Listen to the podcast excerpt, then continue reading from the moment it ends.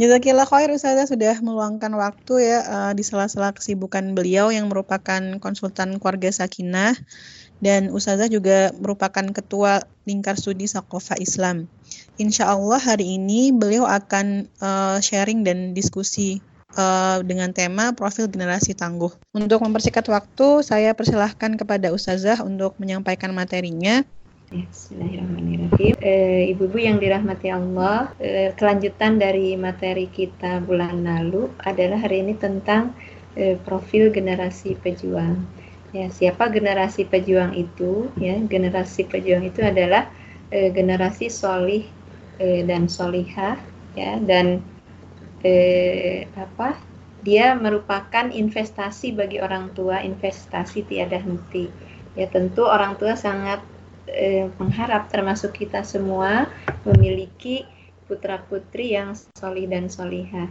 Sebagaimana firm eh sebagaimana sabda Rasulullah Shallallahu Alaihi Wasallam dalam sebuah hadis yang diriwayatkan oleh Imam Ahmad ya kemudian Imam Muslim dan Abu Daud idamat al insanu in anhu amaluhu illa min salasin idamat al insan jika manusia itu mati in anhu amaluhu akan terputus amalnya illa min salasatin kecuali tiga ya siapa dia ya yaitu sodakotin jariyah ya, e, sodakoh jariyah kemudian awa ilmin yuntafa'ubi ilmu yang bermanfaat kemudian awaladin salihin yada'ulah anak solih yang senantiasa mendoakan. Nah, jadi kita berharap bahwa keturunan kita termasuk anak solih yang senantiasa mengirimkan doa baik, baik untuk kita, baik masih hidup kitanya maupun nanti setelah meninggal,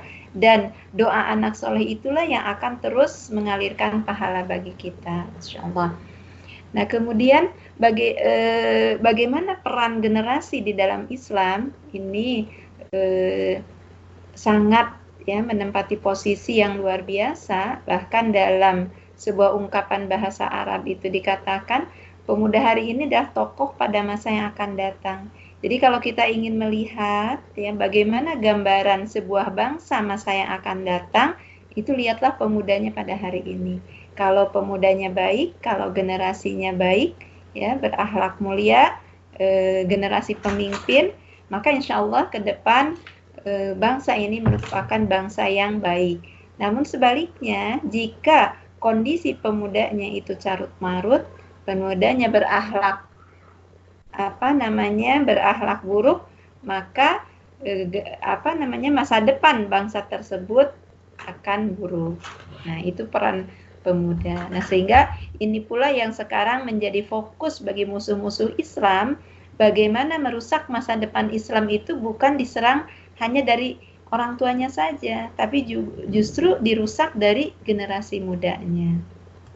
Nah, e, berikutnya ketika kita ingin e, apa namanya memiliki atau dikaruniai e, generasi yang solih soliha, generasi pejuang, tentu kita harus mengetahui terlebih dahulu e, bagaimana sih profil generasi pejuang itu. Tentu kalau kita menggali dari Al-Qur'an maupun Al-Hadis ya, banyak karakter atau eh, sifat-sifat uh, yang digambarkan terkait dengan uh, profil atau karakter generasi yang baik. Nah, yang akan kita bahas mungkin hanya beberapa di antaranya yang paling uh, pokok atau yang paling penting. Yang pertama, yang paling utama adalah memiliki keimanan yang kuat, yang kokoh dan keimanan itu digambarkan atau diwujudkan e, dengan e, memiliki rasa cinta kepada Allah dan Rasul di atas cinta-cinta kepada yang lain. Kemudian e, generasi pejuang juga memiliki cinta terhadap jihad visabilillah. Nah ini bisa kita e, apa namanya kita ketahui dari sabda Rasulullah Shallallahu Alaihi Wasallam ya. E, salasu man kunna fihi wajada halawatal iman. Ada tiga perkara yang kalau seseorang itu mendapatkan tiga perkara ini, maka dia akan wajada halawatal iman, mendapati manisnya iman. Ayakunallahu wa rasuluhu ahabba ilaihi mimma siwahuma. dia memiliki rasa cinta kepada Allah dan Rasulnya yang ahabba ilaihi mimma siwahuma yang dia itu cintanya lebih daripada selain keduanya. Wa ayyuhibbal mar'a la yuhibbuhu illa lillah dan dia mencintai seseorang ya tidak mencintainya kecuali karena Allah.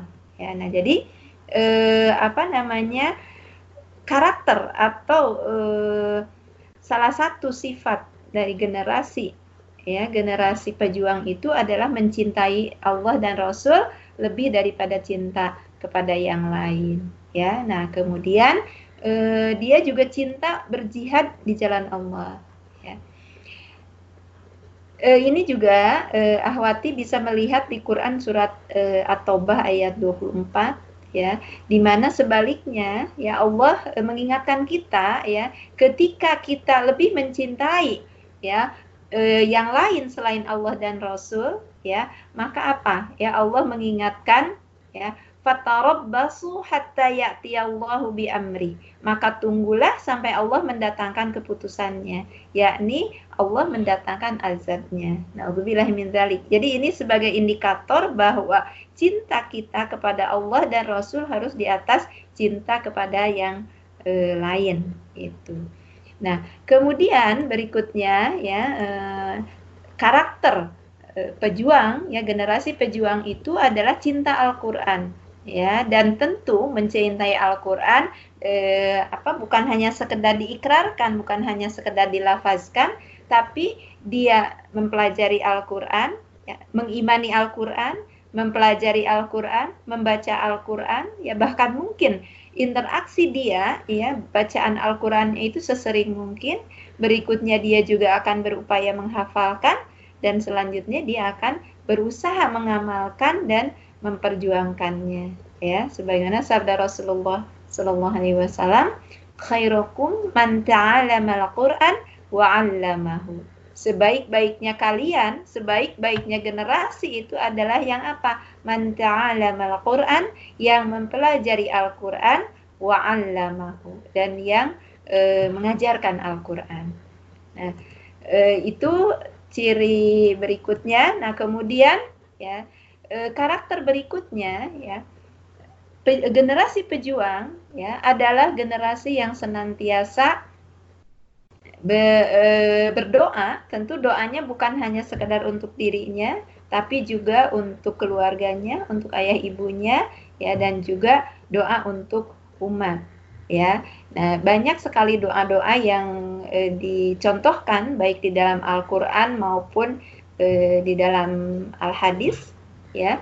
Di antaranya adalah e, di dalam Quran surat Al-Furqan ya Rabbana hablana min azwazina wa dzurriyyatina qurrata a'yun waj'alna lil muttaqina imama ya Allah jadikanlah karuniakan kepada kami ya pasangan kami yang solih anak keturunan kami yang solih yang menjadi penyejuk hati kami dan menjadi pemimpin bagi orang-orang yang bertakwa ya nah kemudian berikutnya ya generasi yang e, solih, generasi pejuang itu adalah cinta sesama.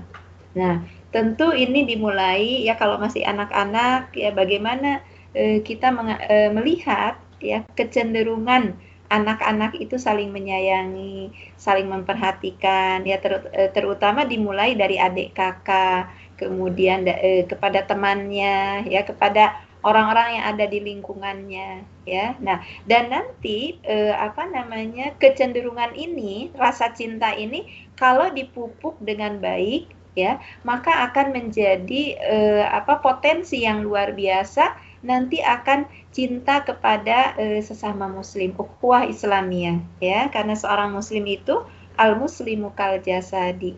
Seorang muslim dengan muslim yang lain itu ibarat satu tubuh ya. La yu'minu ahadukum hatta yuhibbu hatta yuhibba li akhihi ma yuhibbu li nafsihi. Tidaklah beriman seseorang dari kalian atau e, tidaklah sempurna iman kalian sehingga dia mencintai kebaikan untuk saudaranya sebagaimana dia mencintai kebaikan itu untuk dirinya sendiri ya ini hadis sahih riwayat Imam Muslim. Nah, jadi karakter generasi pejuang itu bukan yang cuek, bukan yang apa namanya memper memperhatikan diri sendiri, tapi bagaimana dia menebar cinta kepada saudaranya, kepada sesama, ya. Nah, kemudian berikutnya ya, generasi pejuang itu generasi yang gemar bertobat dan senang meminta maaf. Nah, ini mungkin kalau bertobat insya Allah mudah karena kan hubungannya dengan Allah ya. Bahkan tidak sedikit orang sudah latah astagfirullahalazim ya. Sebenarnya harusnya itu disadari bahwa e, ucapan tobat itu harus diawali dengan kesadaran bahwa kita itu telah melakukan kesalahan ya. Nah, eh, yang berat itu adalah meminta maaf kepada manusia. Ya, kadang rasa egois, merasa benar sendiri, tidak menyadari kesalahan akan menutupi ya atau akan eh, menghadirkan rasa berat hati untuk meminta maaf ya. Nah, tetapi kalau generasi pejuang, dia adalah generasi yang mudah untuk menyadari kesalahan dan mudah pula untuk e, meminta maaf ya. Sebagaimana di firman Allah dalam Quran surat Al-Imran ayat 135 A'udzubillahi minasyaitonirrajim walladzina idza fa'alu fahishatan aw zalamu anfusahum dzakarullaha fastaghfaru lidzunubihim wa may yaghfiru dzunuba illallah wa lam yasir wa lam yusiru ala ma fa'alu wa ya'lamun siapa orang yang bertakwa itu?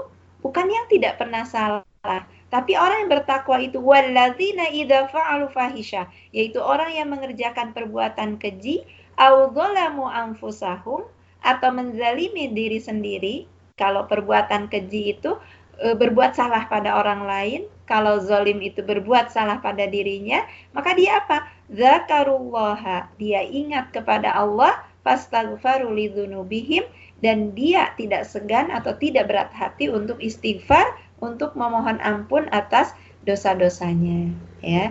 Jadi kalau ada karakter sebaliknya anak yang susah meminta maaf anak yang uh, apa merasa selalu benar sehingga kecenderungannya itu menyalahkan orang lain ini adalah tak uh, apa ini adalah virus-virus atau penyakit yang akan menghalangi kokohnya profil generasi pejuang. Jadi orang tua harus berusaha memupuk bagaimana eh, kegemaran untuk menyadari kesalahan dan eh, apa bertobat serta memperbaiki kesalahan. Ya, Masya Allah. Nah, kemudian berikutnya ya generasi pejuang itu adalah generasi yang rajin ibadah dan iltizam dengan hukum syara ya. Jadi ibadah itu bukan e, sesuatu yang sulit dilakukan, bahkan mungkin sudah menjadi apa namanya? E, menjadi biah sudah menjadi sebuah kebiasaan. Nah, tentu tidak mungkin bi, e, menjadi biah kalau tidak dibiasakan dan tentu ini harus dimulai dari orang tua. Bagaimana orang tua memberikan contoh bahwa untuk ibadah itu harus bersegera ya, bukan e, sebaliknya, bukan sebaliknya ditunda-tunda ya. Ini sabda Rasulullah Shallallahu Alaihi Wasallam yang diriwayatkan oleh Imam Bukhari ya. Sab'atun yudhilluhumullahu fi zillihi. Ada tujuh golongan yang Allah itu akan yudhillullah akan melindunginya fi zilli dalam naungannya yaumal la yauma la zilla illa zilluhu ya. Di mana pada hari itu tidak ada naungan kecuali naungan Allah ya. Salah satunya yang tujuh itu apa? Wasyabun nasya'a fi ibadati rabbih yaitu seorang pemuda seorang anak yang dia itu nasya tumbuh fi ibadati rabbihi ya dalam ketaatan ibadah kepada Allah ya Masya Allah. Semoga keturunan kita menjadi orang-orang yang eh, rajin ibadah tidak menunggu disuruh orang tuanya ti, apalagi dipaksa tapi justru dirinya sendiri yang akan memaksa dirinya anak ini yang akan eh, iltizam untuk melakukan e, ibadah kepada Allah dan ketaatan pada hukum-hukum syara, insya Allah. Ya, nah kemudian berikutnya generasi pejuang itu generasi pemimpin.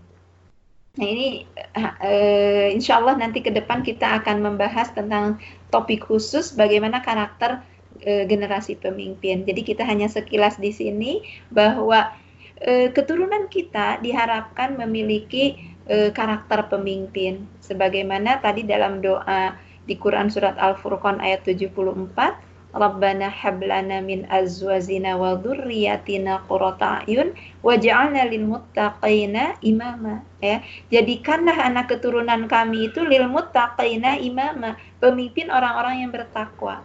Jadi generasi pemimpin generasi pejuang itu bukan generasi pengekor bukan generasi yang senang ikut-ikutan tapi justru dia adalah generasi pionir generasi yang inovatif, kreatif dalam kebenaran dan dia akan menjadi contoh bagi teman-temannya yang lain gitu. Jadi ketika ada apa namanya kesalahan, dia berani untuk meluruskan ketika ya eh, kesalahan dilakukan oleh dirinya, dia juga akan berani untuk mengakui kesalahan itu. Itu salah satu karakter pemimpin. Insya Allah semoga kita punya waktu khusus nanti untuk mengkaji tentang eh, karakter pemimpin.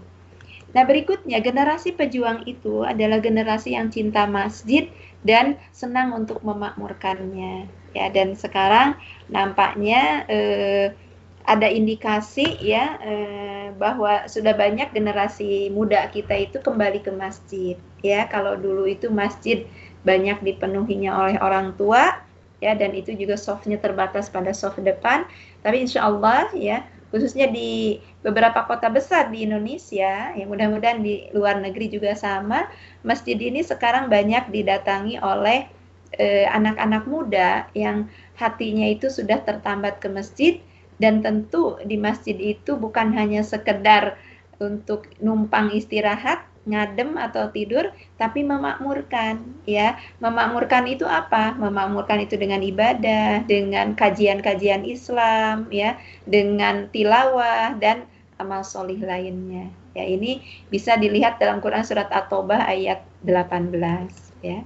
Nah kemudian berikutnya ya karakter generasi pejuang itu ya adalah e, generasi yang semangat di dalam berdakwah ya. Jadi dakwah itu adalah sebuah kewajiban dan kewajiban ini bukan hanya eh, apa namanya bagi orang tua saja ya. Dakwah ini adalah taklif yang diberikan Allah kepada semua orang beriman yang sudah eh, dewasa ya. Termasuk generasi kita ke depan anak-anak kita sekalipun sekarang masih anak-anak mungkin, tapi nanti mereka akan besar sehingga mereka pun harus dididik, dilatih dan dibiasakan terlibat di dalam dakwah ya. Sebagaimana firman Allah uh, Quran surat uh, Al-Imran ayat 110 A'udzu billahi minasyaitonir rajim. Kuntum khaira ummatin ukhrijat lin-nasi ta'muruna bil ma'ruf wa tanhauna 'anil munkar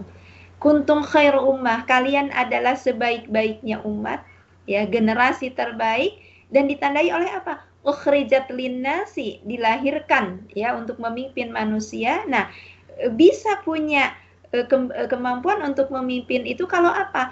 Ta'muruna bil ma'ruf wa tanhauna 'anil munkar. Mereka itu adalah eh, amar ma'ruf ya mengajak kebaikan dan mencegah dari kemunkaran ya nah jadi eh, itu karakter generasi terbaik itu adalah karakter ya yang eh, semangat di dalam dakwah, tidak takut untuk menyampaikan kebenaran, berani untuk mengingatkan ketika ada pelanggaran eh, hukum syara. Kita berharap anak-anak kita juga demikian, bukan sebaliknya larut ikut-ikutan di dalam kemaksiatan. Auzubillahi ya. Nah, kemudian berikutnya profil generasi pejuang itu adalah cinta ilmu. Ya. Tidak mungkin anak-anak kita akan memiliki keimanan yang kokoh, tidak mungkin mereka bisa rajin ibadah dengan benar, ya, melakukan amal solih tanpa sinar ilmu. Karena tanpa ilmu kita itu gelap, tanpa ilmu ibadah kita akan sesat, tanpa ilmu akidah kita akan lemah ya. Tapi dengan ilmu, maka ilmu itulah yang akan memudahkan kita e, menempuh jalan ke surga. Seperti sabda Rasulullah Shallallahu alaihi wasallam yang diriwayatkan oleh Iman, e, Imam Muslim ya man salaka tariqan yaltamisu fihi ilman sahalallahu lahu bihi tariqan ilal jannah barang siapa yang menempuh sebuah jalan di mana jalan itu yaltamisu fihi ilman ada di jalan itu ilmu sahalallahu lahu bihi. Maka Allah akan memudahkan dengan jalan itu tariqan ilal jannah satu jalan ke surga ya. Nah jadi anak-anak kita, anak-anak generasi pejuang itu tidak malas menuntut ilmu, belajar bukan hanya karena disuruh orang tua atau belajar bukan karena akan ujian ya atau akan uh, ulangan, tapi belajar itu karena dia cinta ilmu, karena dia ingin mendapatkan cahaya, karena dia ingin mendapatkan kemudahan untuk uh, menempuh jalan ke surga ya. Nah, berikutnya profil berikutnya Eh, generasi pejuang itu adalah generasi yang cinta kepada pemberi ilmu, hormat kepada guru, ya. Dan ini eh, khususnya di Indonesia sekarang itu, masya Allah, ya. Eh, ibu-ibu eh, sekarang tuh banyak sekali berita bagaimana bullying itu bukan hanya dilakukan kepada sesama siswa, tapi justru yang menjadi korbannya itu guru. Bahkan beberapa minggu yang lalu itu ada guru yang dikeroyok oleh siswanya sampai meninggal dunia. Nauzubillahi Ini adalah generasi yang rusak kalau sampai berani apa namanya meng, e, melecehkan, berani mengganggu guru. Di dalam Islam, kedudukan guru itu sangat mulia. Bahkan setelah orang tua itu adalah guru ya sabda Rasulullah Shallallahu Alaihi Wasallam ya tidak termasuk golongan kami laisa minna Siapa? Malam yajil kabirona yang tidak hormat kepada yang lebih tua, kepada guru. Wala, walam yarham saghirana dan tidak bisa menyayangi yang lebih muda. Ya, nah jadi e, di dalam Islam ya salah satu karakter yang baik itu adalah bagaimana cinta kepada pemberi ilmu, hormat kepada guru. Nah mungkin bagi sahabat sekalian, ahwat sekalian yang pernah eh, belajar di pesantren. Di pesantren itu ada kitab Ta'alimu Ta'alim. Saking hormatnya kepada guru, kita itu bahkan dianjurkan tidak boleh melihat muka guru, tidak boleh e, bertanya sebelum disuruh, tidak boleh mendahului e, guru di dalam berjalan, suara tidak boleh lebih tinggi daripada suara guru. Ini adalah salah satu cerminan bagaimana adab e, seorang murid kepada guru, ya. Dan itu adab seperti itu dimiliki oleh generasi pejuang Islam. Berikutnya, ya, generasi pejuang itu adalah generasi yang mandiri dan mampu menyelesaikan masalah. Ya, jadi bukan generasi yang tergantung baik kepada orang tua, tergantung kepada saudara, dan kalau ada masalah malah lari dari masalah. Itu tidak demikian ya. Generasi pejuang itu generasi yang kuat, generasi yang siap untuk menghadapi kehidupan ya, seberat apa pun kehidupan itu ya. Sebagaimana sabda Rasulullah sallallahu alaihi wasallam ya. Nah, e, demi sekiranya ada seorang di antara kamu buat tali dan pergi ke gunung untuk mencari kayu, kemudian dipikul ke pasar untuk dijual dan dengannya dia bisa memenuhi kebutuhannya, maka yang demikian itu lebih baik daripada meminta-minta pada orang lain, ya. Nah, jadi di dalam Islam ketika ada orang punya kebutuhan, kemudian mampu memenuhi kebutuhan itu dengan tangannya, maka itu akan lebih disukai oleh Allah. Bahkan di hadis lain, ya, ketika Rasulullah itu bersalaman dengan seorang sahabat dan tangannya itu terasa kasar, maka kemudian Rasulullah mencium tangan yang kasar itu dan mengatakan ini adalah tangan ahli surga. Ya, kasarnya karena apa? Karena e, bekerja keras untuk memenuhi kebutuhannya. Nah, kita berharap anak-anak kita, generasi kita bukan generasi yang kuat karena orang tuanya, bukan ya e, dia itu senantiasa tergantung kepada orang tuanya, tapi memang generasi yang senantiasa menyelesaikan masalah itu dengan kemampuannya ya. Nah, kemudian generasi pejuang itu adalah generasi yang sabar dan syukur ya. Dalam kehidupan ini ya, e, bukan jalan yang mudah ya. Hidup ini sunatullahnya memang antara ujian, antara kesulitan, ya antara godaan itu silih berganti. Nah, kunci untuk menghadapinya ya adalah dengan apa? Ketika diberi anugerah maka bersyukur, ketika diberikan ujian maka bersabar dan ketika diberikan peringatan dia cepat kembali ya. Dan ini insya Allah mudah-mudahan sabar dan syukur ini eh, karakter yang dimiliki oleh eh, apa namanya generasi kita atau keturunan kita ya. Nah, salah satu tanda sabar itu adalah ketika ditimpa musibah, idza asabathum musibah qalu inna lillahi wa inna ilaihi raji'un. Dia akan berkata, sesungguhnya kami milik Allah dan kami akan kembali kepada Allah. Ya, ulaika alaihim salawatum min rabbihim wa rahmah wa ulaika humul muhtadun. Ya, nah dengan sabar itu maka dia akan mendapatkan kasih sayang Allah, dia akan mendapatkan rahmat dan yang paling penting apa? Wa ulaika humul muhtadun. Maka dia akan mendapatkan petunjuk. Jadi sahabat sekalian, ahwat sekalian, ya, kalau kita mendapatkan masalah, kalau kita mendapatkan e, kesulitan, maka tadi kuncinya itu sabar. Maka ketika kita sabar, Allah akan semakin mendekat, Allah akan memberikan pertolongannya, dan Allah akan menunjuki kepada kita jalan keluar dari kesulitan tersebut. Kemudian, ya generasi pejuang itu generasi yang memiliki karakter optimis dan senantiasa berbaik sangka kepada Allah, bukan sebaliknya mudah putus asa, mudah menyerah dan berburuk sangka kepada Allah. Itu bukan karakter generasi pejuang ya. Generasi pejuang itu menghadapi masalah itu selalu dengan apa? Positive thinking. Dia optimis bahwa ber, e, seberat apa pun masalahnya di sisi Allah pasti akan ada jalan keluarnya sehingga yang jadi prinsip dia itu bukan mengeluh, mengeluhkan masalah kepada Allah tapi akan mengatakan pada masalah bahwa saya punya Allah la haula saya memang tidak bisa tapi Allah maha bisa. Saya memang tidak tahu, tapi Allah maha tahu. Saya memang lemah, tapi Allah maha kuat. Nah, sehingga dia itu akan menumbuhkan sifat dan prasangka baik terus kepada Allah ya. Dan ini yang akan dijawab oleh Allah.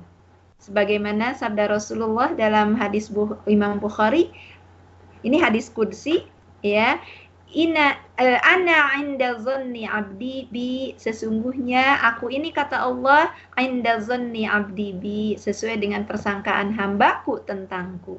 Jadi kalau hamba berprasangka buruk kepada Allah, maka keburukan itulah yang akan diberikan Allah. Sebaliknya, kalau hamba husnuzon berprasangka baik kepada Allah, bahwa masalah apa pun akan ada jalan keluarnya, maka jalan keluar itulah yang akan diberikan oleh Allah. Wa ma'ahu. Dan aku kata Allah akan senantiasa membersamai hambaku idza dzakaroni ketika dia mengingatku ya. Nah, jadi ini adalah karakter generasi pejuang senantiasa berbaik sangka dan e, berzikir kepada Allah. Kemudian berikutnya ya. mohon maaf, e, karakter generasi pejuang berikutnya adalah disiplin dan teratur. Nah, ini mungkin PR PR tersul, e, cukup sulit bagi orang tua bagaimana menanamkan karakter disiplin ini dan hidup teratur. Ya, kadang anak-anak itu kan sukanya seenaknya, kadang menunda-nunda, ya, kadang apa namanya e, menunggu eh, waktu yang lain, atau kadang melakukan pekerjaan tidak sampai tuntas, sudah beralih kepada pekerjaan yang lain. Nah, itu adalah virus-virus yang akan mengganggu karakter baik pada generasi pejuang, sehingga kalau kita mendapati anak kita ada indikasi ke arah sana, maka harus kita ganti menjadi disiplin dan teratur, ya. Nah, eh, seperti Rasulullah bagaimana mengingatkan kita bahwa kita harus melakukan khamsan qabla khamsin, lima perkara ya sebelum datangnya lima perkara yaitu apa?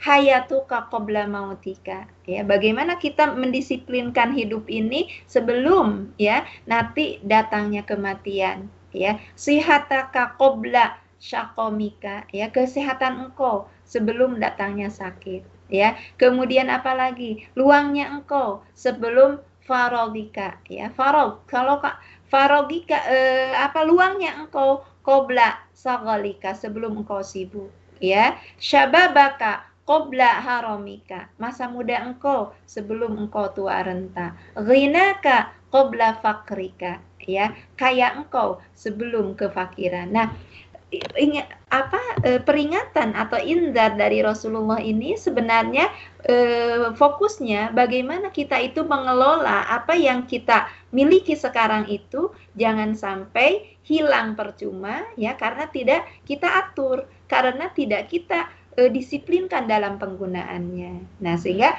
anak-anak kita juga harus dibiasakan bagaimana menghormat menghargai waktu, menghargai eh, apa namanya milik, menghargai barang sendiri ya salah satunya ya disimpan dengan teratur, dirawat ya dan digunakan dengan sebaik-baiknya ya.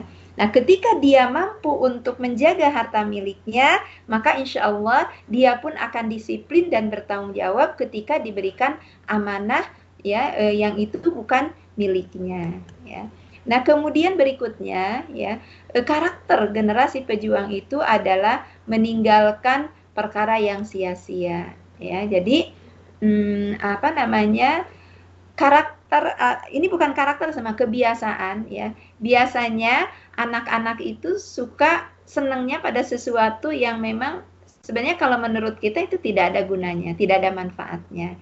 Nah, kita harus balik bagaimana fokus anak kita itu ya justru senantiasa mengutamakan yang eh, apa namanya memberikan manfaat ya. Sebagaimana ini ada di dalam hadis Rasulullah Shallallahu Alaihi Wasallam ya e, ketika ditanya siapa atau apa amal yang paling baik min huslil islamil mar'i kata Rasulullah ya tanda kebaikan keis keislaman seseorang itu apa? Tarkuhu ma yakni meninggalkan apa yang tidak ada manfaatnya. Nah, ini harus kita tanamkan kepada anak kita sehingga di antara pilihan-pilihan aktivitas itu kita akan memprioritaskan bagaimana yang memiliki kebaikan ya dan meninggalkan sesuatu yang tidak mengandung manfaat apalagi kalau di situ mengandung madorot ya.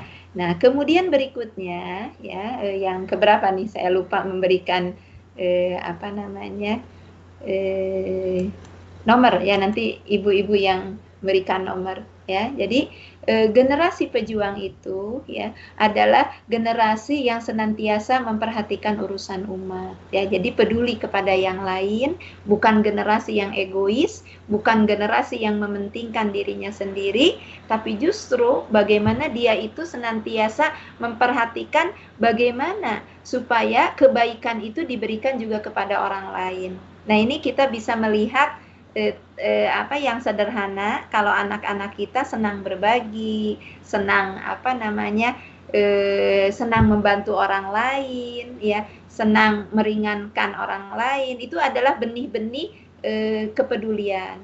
Nah sebaliknya kalau anak kita main sendiri ingin menguasai sesuatu itu dikuasai oleh sendiri ketika ada teman yang kesulitan malah dicuekin nah itu hati-hati itu adalah uh, justru yang akan uh, melemahkan tadi karakter generasi pejuang. Harus segera kita uh, ganti ya karakter tersebut ya.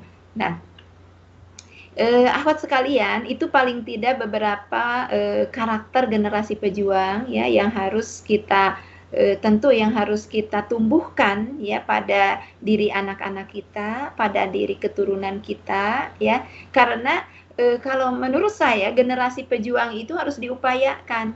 Dia bukan bawaan lahir, tapi bentukan hasil pendidikan.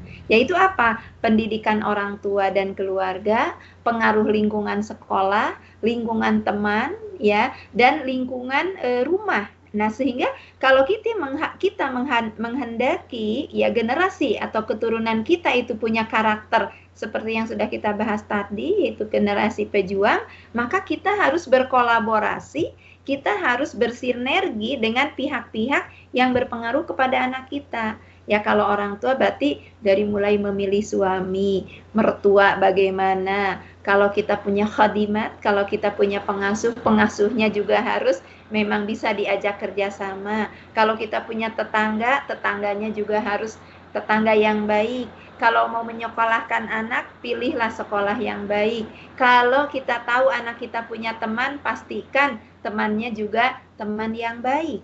Ya, sehingga pihak-pihak itu semua harus sesuai ya dengan tuntunan Islam dan kita harus menjauhkan anak kita dari virus-virus yang akan merusak tadi karakter e, generasi pejuang itu ya. Nah, kemudian ya berikutnya tentu ini harus ada e, kerjasama. Jadi kita tidak bisa hanya salah satu. Sekolah baik di keluarga tidak itu juga akan lemah. Sebaliknya di keluarga baik, lingkungannya buruk itu juga akan rusak ya. Nah, berikutnya upaya yang harus dilakukan orang tua adalah doa tulus ikhlas dan sungguh-sungguh dari orang tua. Banyak doa-doanya di antaranya tadi dalam Quran surat Al e, Al-Furqan ayat 74 ya. Nah, kemudian ya e, terakhir ini contoh remaja-remaja generasi pejuang itu ya ini e, yang paling eh, apa namanya yang paling utama ya pada masa Rasulullah Shallallahu Alaihi Wasallam ya banyak di eh, generasi awal salafus soleh itu bukan dari eh, apa bukan dari golongan tua tapi justru dari golongan muda ya seperti Utsman bin Affan, Umar bin Khattab juga itu di bawah 30 tahun ketika masuk Islam. Ali bin Abi Thalib 8 tahun. Abdullah bin Mas'ud, Abdurrahman bin Auf ya.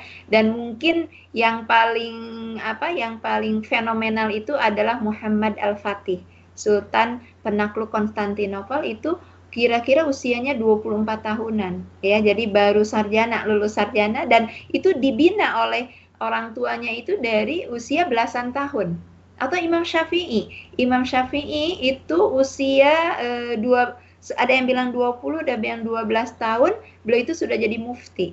Ya, sudah hafiz Quran 8 tahun, kemudian jadi mufti. Mufti itu uh, Fakih Fiddin, ya, seorang ulama besar pada usia 12 tahun.